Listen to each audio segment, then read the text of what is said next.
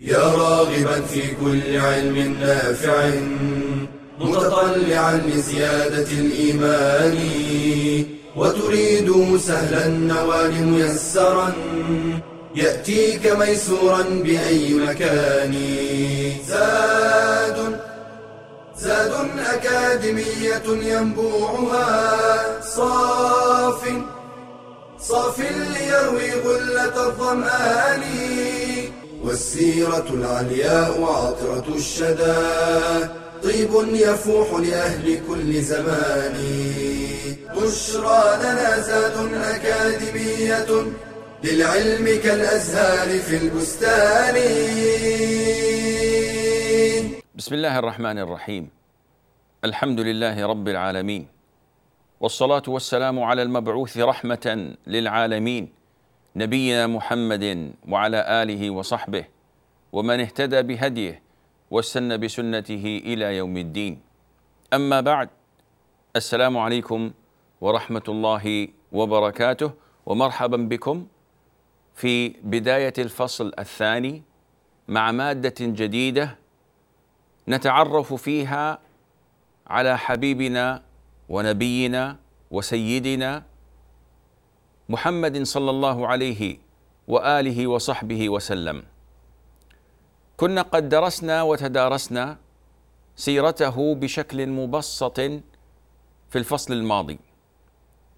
واليوم نشرع في درس جديد لمادة علمية اعتنى العلماء بدراستها وتدريسها.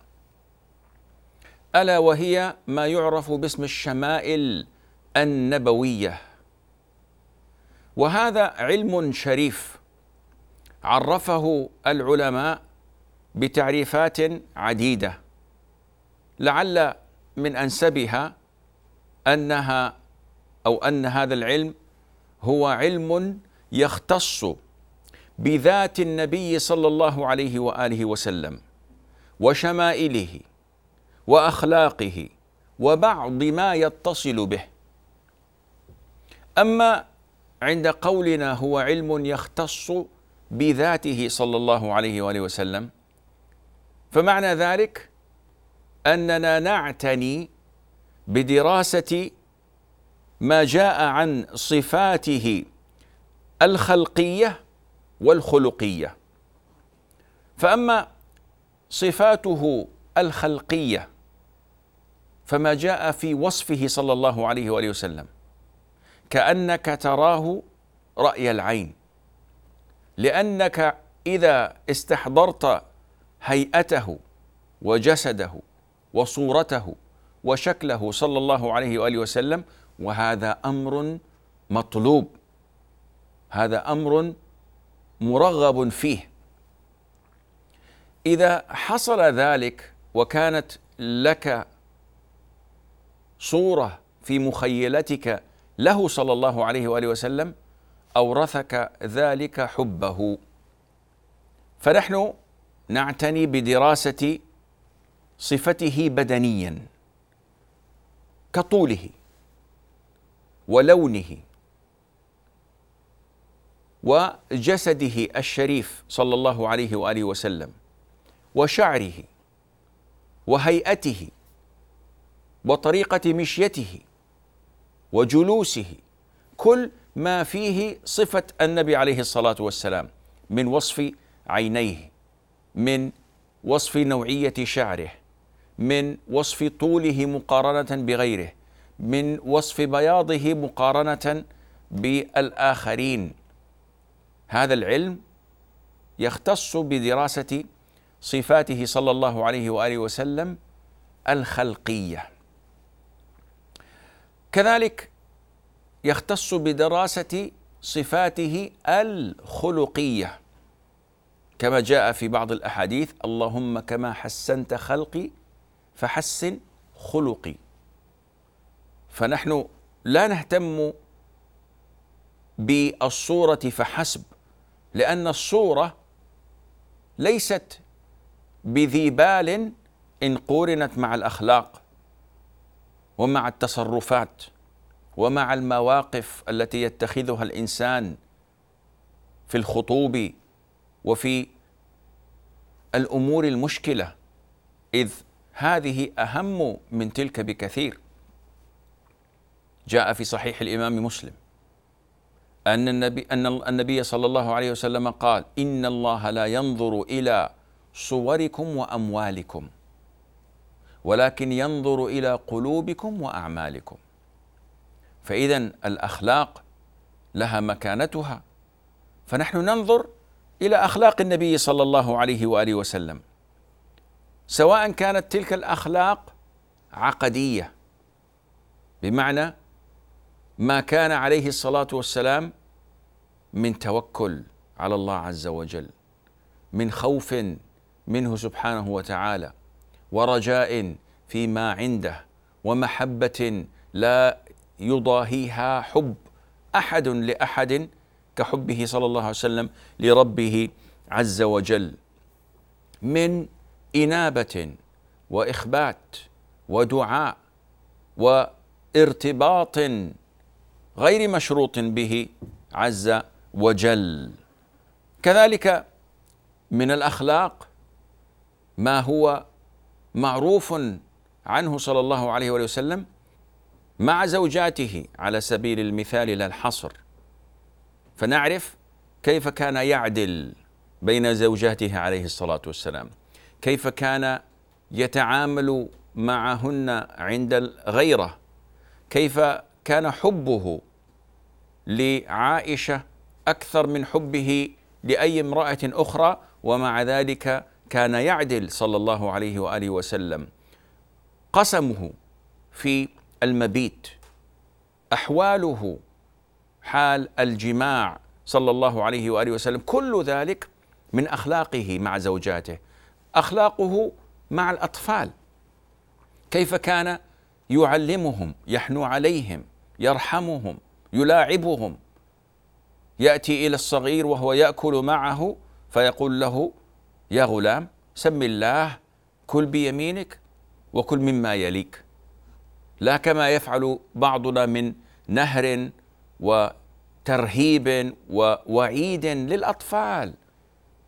وهذه طبيعتهم اللعب وعدم التركيز والانتباه.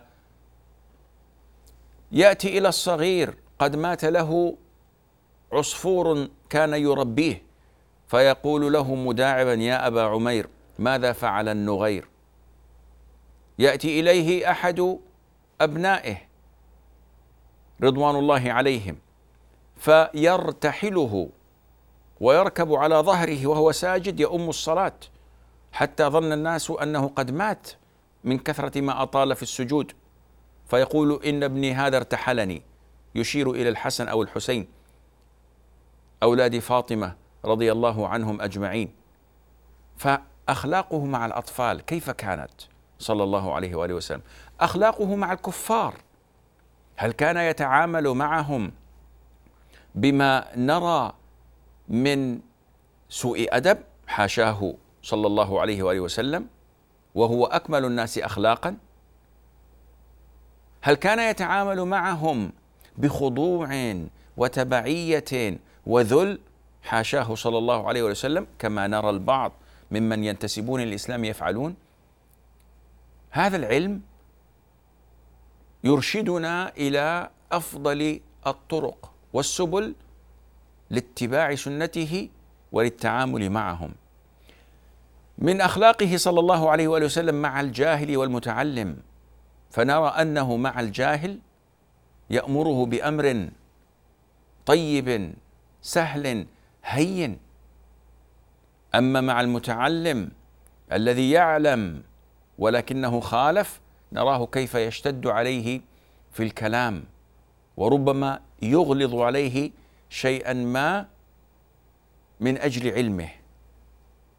نرى ذلك في أخلاقه عليه الصلاة والسلام أثناء التعاملات المالية والتجارية وكيف يرشدنا إلى السماحه في الاقتراض وفي الأداء وفي البيع وفي الشراء هذا كله من أخلاقه صلى الله عليه وآله وسلم هنالك فاصل قصير فابقوا معنا وبعده نواصل بإذن الله.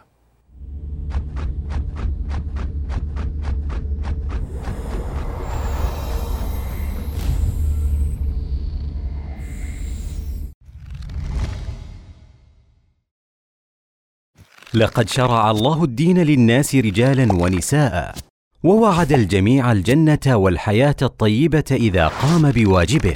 فقال تعالى من عمل صالحا من ذكر أو أنثى وهو مؤمن فلنحيينه حياة طيبة ولنجزينهم أجرهم بأحسن ما كانوا يعملون. وقد جاء الإسلام فأكرم المرأة وحملها مع الرجل مسؤولية النهوض بالمجتمع وحسن الرعاية له. فقال عليه الصلاة والسلام كلكم راع وكلكم مسؤول عن رعيته. وقد شغلت المرأة في العهد النبوي وما بعده مكانا رفيعا بمشاركاتها العلمية والاجتماعية والتربوية. وتصدر اسمها في قائمة المساهمين في بناء المجتمع وصياغة هوية الأمة والمحافظة على ثوابت الدين. ولا زال التاريخ يذكر أم المؤمنين خديجة وأم المؤمنين عائشة ونسيبة بنت كعب وأم حرام بنت ملحان وحفصة بنت سيرين وفاطمة بنت عبد الملك وزبيدة بنت جعفر وغيرهن رضي الله عنهن ورحمهن. ومن هنا كان للمرأة المسلمة دورها المهم والخطير في صياغة المجتمع مما أكسبها قيمة واعتبارا واحتراما لا مثيل له في المجتمعات الأخرى كما اعترف بذلك المنصفون من الغربيين. وبأنهم إنما تعلموا احترام المرأة من مسلمي الأندلس يقول المفكر الفرنسي مارسيل بويزارد. إن الشعراء من المسلمين هم الذين علموا مسيحي أوروبا عبر اسبانيا احترام المرأة. فللمرأة على ثغر الحياة الزوجية أثر خطير وفي التربية على الدين والخلق دور كبير وفي التعليم والدعوة والطب والرعاية مكانة ومسؤوليات. وقيام المرأة المسلمة بهذا وغيره له أثره الإيجابي في إصلاح المجتمع كله أسرا وأفرادا. وصدق عليه الصلاة والسلام حين قال إنما النساء شقائق الرجال.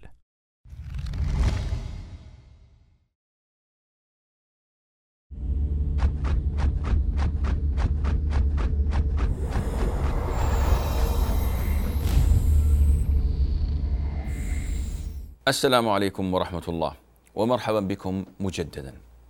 إذا علم يختص بدراسة ذاته صلى الله عليه وآله وسلم وما فيها من أخلاق عقدية اعتقادية وأخلاق تعاملية سجايا طبيعة كيف كان كيف كانت أخلاقه صلى الله عليه وآله وسلم في تعاملاته في التجارة في البيع والشراء في الاقتراض وفي الأداء.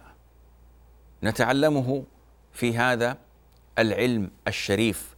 كذلك نتعلم أخلاقه صلى الله عليه وآله وسلم في حياته اليومية في طعامه. كيف كان يأكل؟ وماذا كان يأكل؟ وهل كان أكله لهذا الطعام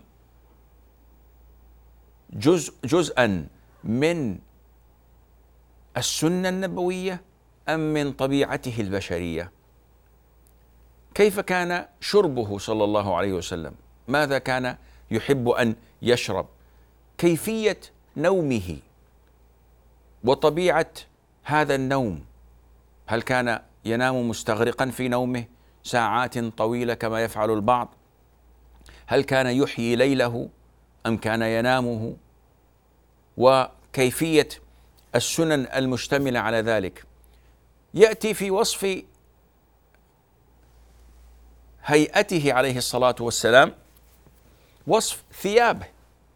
كيف كان يلبس؟ ما هي نوعية اللباس؟ ما هو لون اللباس المحبب إليه؟ هل كان عليه الصلاة والسلام يلبس لباسا خاصا بالعيد والجمعة واستقبال الوفود؟ أم أنه كان يرتدي فقط ثوبا واحدا طيلة حياته؟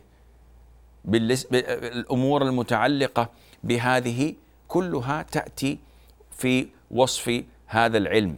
وأيضا كما تقدم فإنه علم يختص بذاته وشمائله وأخلاقه وبعض ما يتصل به. فمن الأمور التي تتصل به كذكر دوابه. هل كان يمتلك شيئا من الدواب؟ وماذا كان يحب أن يركب من هذه الدواب؟ فهنالك البغلة هنالك الفرس هنالك ناقته القصواء. أيها كان يفضل ومتى كان يركب هذه ومتى يركب تلك عليه الصلاة والسلام؟ فهذا متعلق به كذلك متعلق بآنيته. فقد كانت له آنية معينة. وكانت هنالك أسماء لآنيته. طبعا ليست مثل آنيتنا نحن متعددة وكثيرة ومتغيرة. بل كانت له آنية محددة ومعينة. بالنسبة لوصف فراشه كيف كان سريره عليه الصلاة والسلام؟ هل كان وثيرا؟ هل كان كبيرا؟ هل كان آه، متصلا أم منفصلا؟ كل هذا يأتي في وصف هذا العلم. وكذلك في وصف بيته. هل كان بيتا كبيرا متعدد الغرف؟ هل كان سقفه مرتفعا أم منخفضا بحيث أن الرجل المعتدل الطول لا يستطيع أن يقف به؟ هل كان مضاء ذا أنوار؟ هل يوجد فيه فرش؟ هل يوجد فيه متاع؟ هل يوجد فيه أثاث؟ هذا كله يأتي في وصف هذا العلم. كذلك من أهل العلم من ألحق بأخلاقه وشمائله وما يتعلق به ما كان يفعله عليه الصلاة والسلام من أمور عبادية أو تعبدية. فيذكرون صومه وصلاته وحجه وعمره يذكرون كل ما يتعلق بذكره صلى الله عليه وآله وسلم وتسبيحه ودعائه. ويجعلون هذه العبادات أيضا داخلة في ضمن شمائله عليه الصلاة والسلام. ولعل من أجمع الكتب التي تكلمت في هذه الأمور بالإضافة إلى شيء من سيرته كتاب زاد المعاد في هدي خير العباد للإمام ابن قيم ابن القيم رحمه الله. ورضي الله عنه. كتاب قيم نفيس جميل. أنصح الأطفال والصبيان والشباب بقراءته لأنه يؤسس لهم قاعدة إيمانية وتربوية في سيرته عليه الصلاة والسلام، كما أن فيه نقاشات علمية جميلة قوية تثري ثقافة الإنسان وتزيد في علمه وتؤسسه بإذن الله عز وجل. طبعا من الكتب المشهورة. هنالك كتب كثيرة تكلمت في شمائله في مواهبه اللدنية في كذا لكن من أشهرها كتاب أبي عيسى الترمذي الإمام المعروف باسم الشمائل المحمدية. فالشمائل المحمدية الشمائل النبوية ما جاء في سيرته في شمائله عليه الصلاة والسلام فيها الكثير من العلم الطيب والنافع لكن ينبغي دائما وهذه حال طالب العلم إياك أن تتبع من تحب من العلماء اتباعا أعمى. فلا يصلح ابدا أن تحب عالما وتقول بكل ما قال به. لا بد أن تراجع ما قال ذلك العالم على جلالته ومكانته وحبنا له أن تراجع ما قاله مع القرآن والسنة وأن تتأكد أن ما استدل به من السنة هو من صحيحها لا من سقيمها. فلا عصمة لأحد من الخلق بعد النبي صلى الله عليه وسلم. أقول هذا لأن الكثير من كتب الشمائل وبعض كتب السير قد وضع فيه ما ليس منه. وربما يصل الحال بالبعض إلى الغلو في النبي صلى الله عليه وسلم خلافا لما أمر به فهو قد نهانا عن غلو فيه. فتأتي في بعض كتب الشمائل الجميلة تقرأها وإذ بك تمر على أن النبي صلى الله عليه وسلم كان نورا ونوره في الليل كضوء الشمس في النهار. يعني كيف يعني النبي عليه الصلاة والسلام إذا خلد إلى النوم هو وأهله هو هو وأهله. هل معنى ذلك أنه في ظلمة الليل كان يشع؟ هذا كلام غير صحيح. ولا يمت إلى الحقيقة بصله بل الأحاديث تنفيه وترده. كحديث امنا عائشة رضي الله عنها أنها استيقظت ذات يوم فتحسست النبي عليه الصلاة والسلام بجانبها فلم تجده فجعلت تتحسس في الغرفة.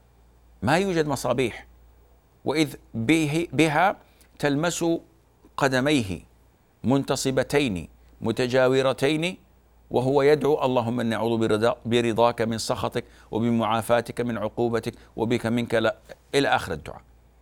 فهذا دليل على أن النبي صلى الله عليه وسلم لم يكن يشع نورا كما يقول بعض الغلاة فإذا لابد من مراجعة هذه الشمائل بما يرضي الله عز وجل من كتاب الله وصحيح سنة النبي صلى الله عليه وآله وسلم. ما هي أهمية دراسة هذا العلم؟ الله عز وجل يقول في محكم التنزيل أم لم يعرفوا رسولهم فهم له منكرون؟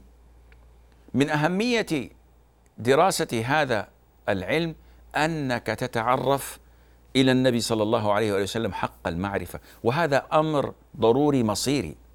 ما يصلح أنك تقول أنا موحد وأنت لا تعرف صفات الله عز وجل وأسمائه الحسنى.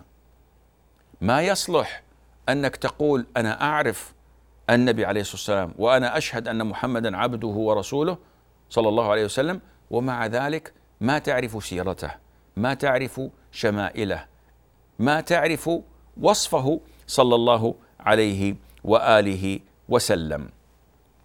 هنالك فاصل قصير وبعدها نواصل بإذن الله عز وجل فابقوا معنا.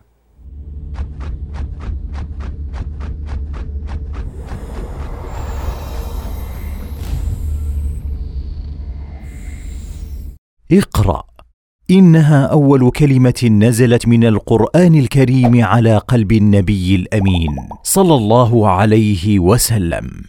إن الأمم القارئة هي الأمم القائدة لأن القراءة والمعرفة تطرد الجهل والتخلف والخرافه وقد بلغ حب العلماء للقراءة مبلغا عظيما.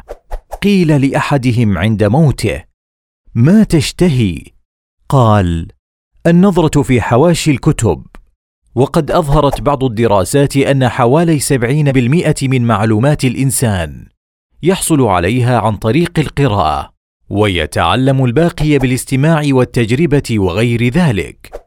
ولكي تكون قراءتك واعية فابدأ بالمرحلة التأسيسية حيث تنتقي كتب أهل السنة التي تضمن بها سلامة العقيدة. وإذا قابلتك مصطلحات غامضة فاسأل عنها العلماء. ولدفع النفور من القراءة ابدأ بالكتب السهلة قبل الصعبة. وبالمختصرات قبل المطولات. ولدفع الملل. استرح وأرح عينيك وتحرك بين الحين والآخر. ويمكن إذا مللت من كتاب أن تقرأ في غيره. ولدفع شرود الذهن. عليك بالصبر والمجاهدة.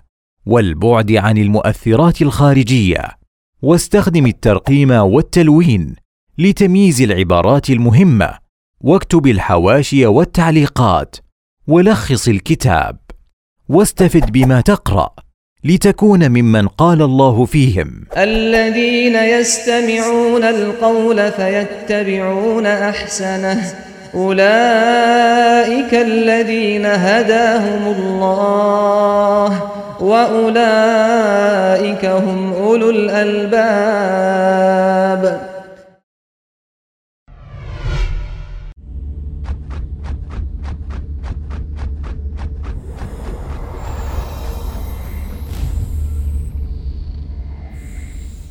السلام عليكم ورحمة الله وبركاته. من فوائد دراسة هذا العلم علم الشمائل النبوية أنك كلما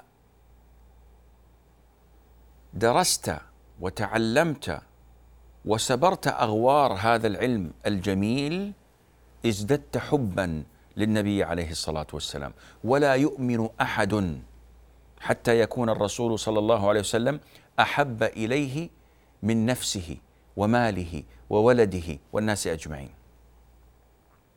لن تؤمن. فاذا هذا هو سبيل الإيمان.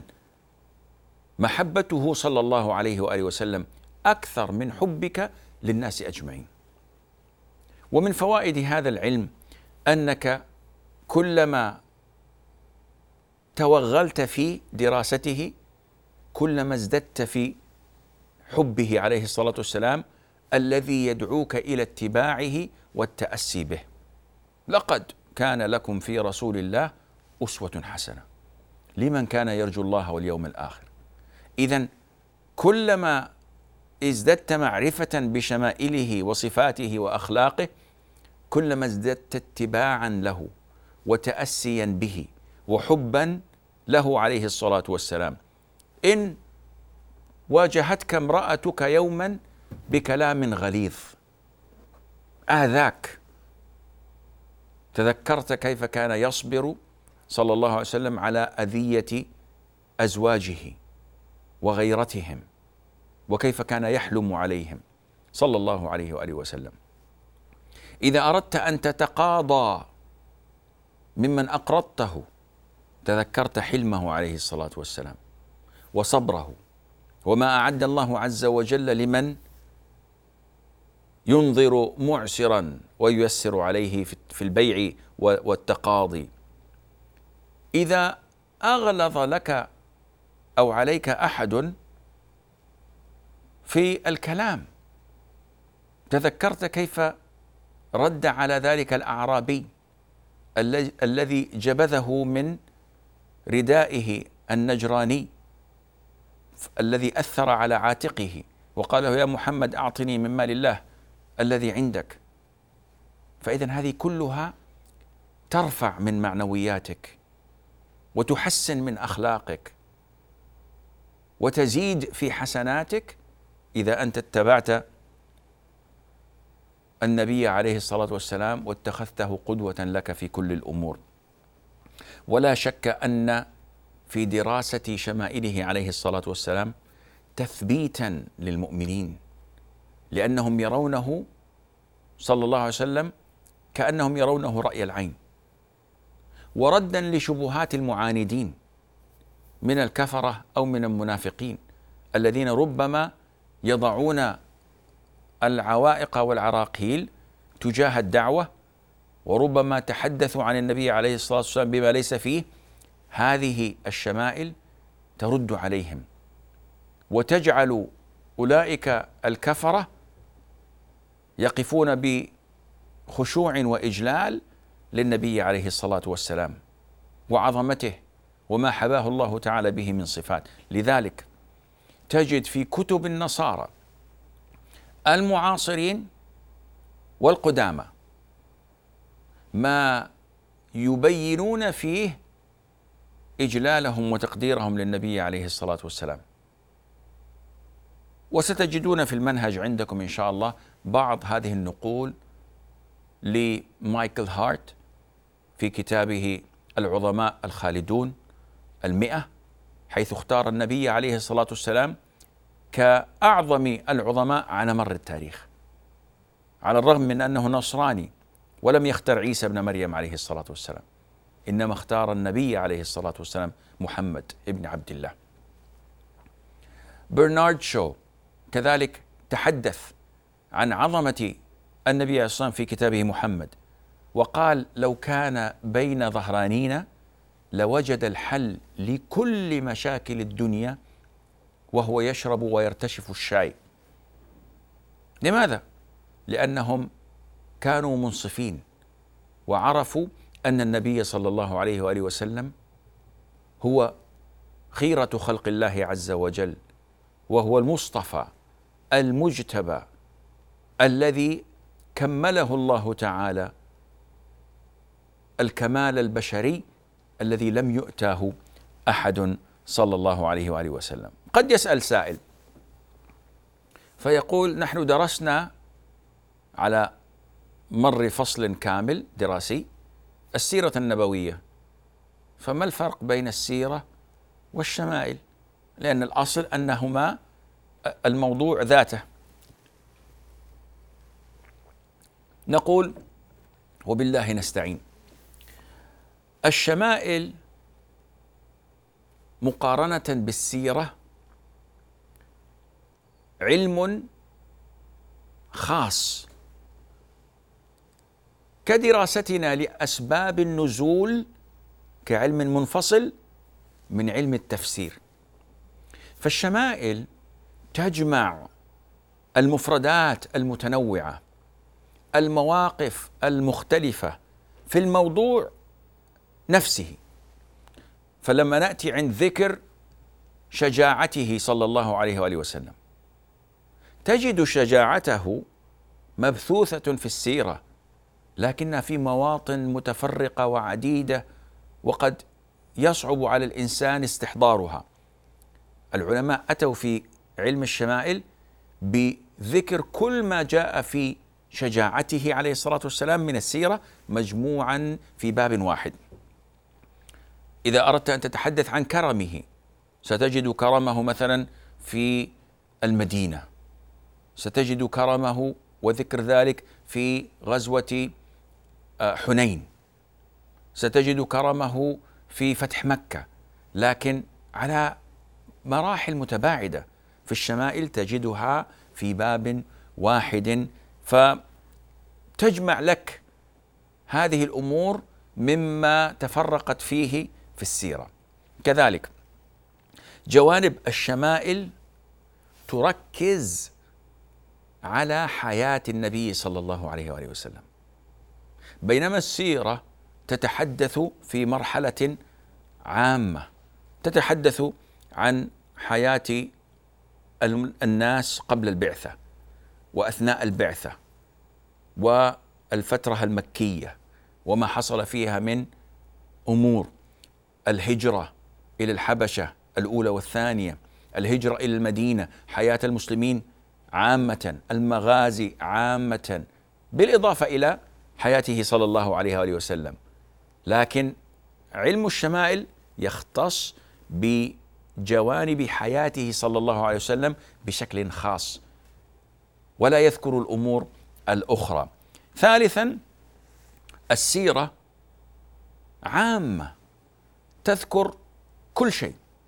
فربما استطرد كاتب السيرة شيئا ما في حياة سعد بن معاذ رضي الله عنه وأرضاه. أو تكلم عن سلمة بن الأكوع أو تكلم عن عمر رضي الله عنه وكيف أنه أسلم في العام السادس للبعثة وكذا هنا وهناك. تتحدث عن الصحابة ربما تحدث تحدثت لنا السيرة عن فرعون هذه الأمة عن أبي جهل. ماذا فعل؟ ما أين ذهب؟ كيف تصرف؟ وهذا مبثوث في كتب السيرة. لكن شمائل النبي صلى الله عليه وسلم لا تذكر إلا حياته إلا جوانب جوانب حياته وما يتعلق بها صلى الله عليه وآله وسلم. رابعا وأخيرا التركيز على خصائصه ومعجزاته بشكل عام وذلك لإبراز عظمته لإبراز جلاله عليه الصلاة والسلام ومكانته عند الله رب العالمين ومكانته في قلوب المؤمنين. اذا علم الشمائل علم متخصص بذكر جوانب حياته عليه الصلاة والسلام من جميع النواحي والزوايا. لزياده محبته في القلوب للتعرف عليه إذا رأيته كما سيأتي معنا إن شاء الله وهذا مهم وضروري. لأولئك الذين يرون النبي عليه الصلاة والسلام في أحلامهم. فهل كل من يرونه في الحلم هذا هو النبي عليه الصلاة والسلام؟ أم لابد أن يكون أو تكون هنالك صفة معينة؟ أسأل الله عز وجل أن ينفعني وإياكم بهذا العلم الشريف وأن يزيد من حبنا لنبينا صلى الله عليه وآله وسلم حبا يقربنا منه في مجالس يوم القيامة في جنات النعيم. هذا والله أعلم ونسبة العلم إليه أسلم. وإلى أن نلتقي بكم في الدرس الثاني أترككم في أمان الله. والسلام عليكم ورحمه الله وبركاته. يا راغبا في كل علم نافع متطلعا لزيادة الإيمان وتريد سهلا النوال ميسرا يأتيك ميسورا بأي مكان زاد زاد أكاديمية ينبوعها صاف صاف ليروي غلة الظمآن والسيرة العلياء عطرة الشدى. طيب يفوح لأهل كل زمان. بشرى لنا زاد أكاديمية للعلم كالأزهار في البستان.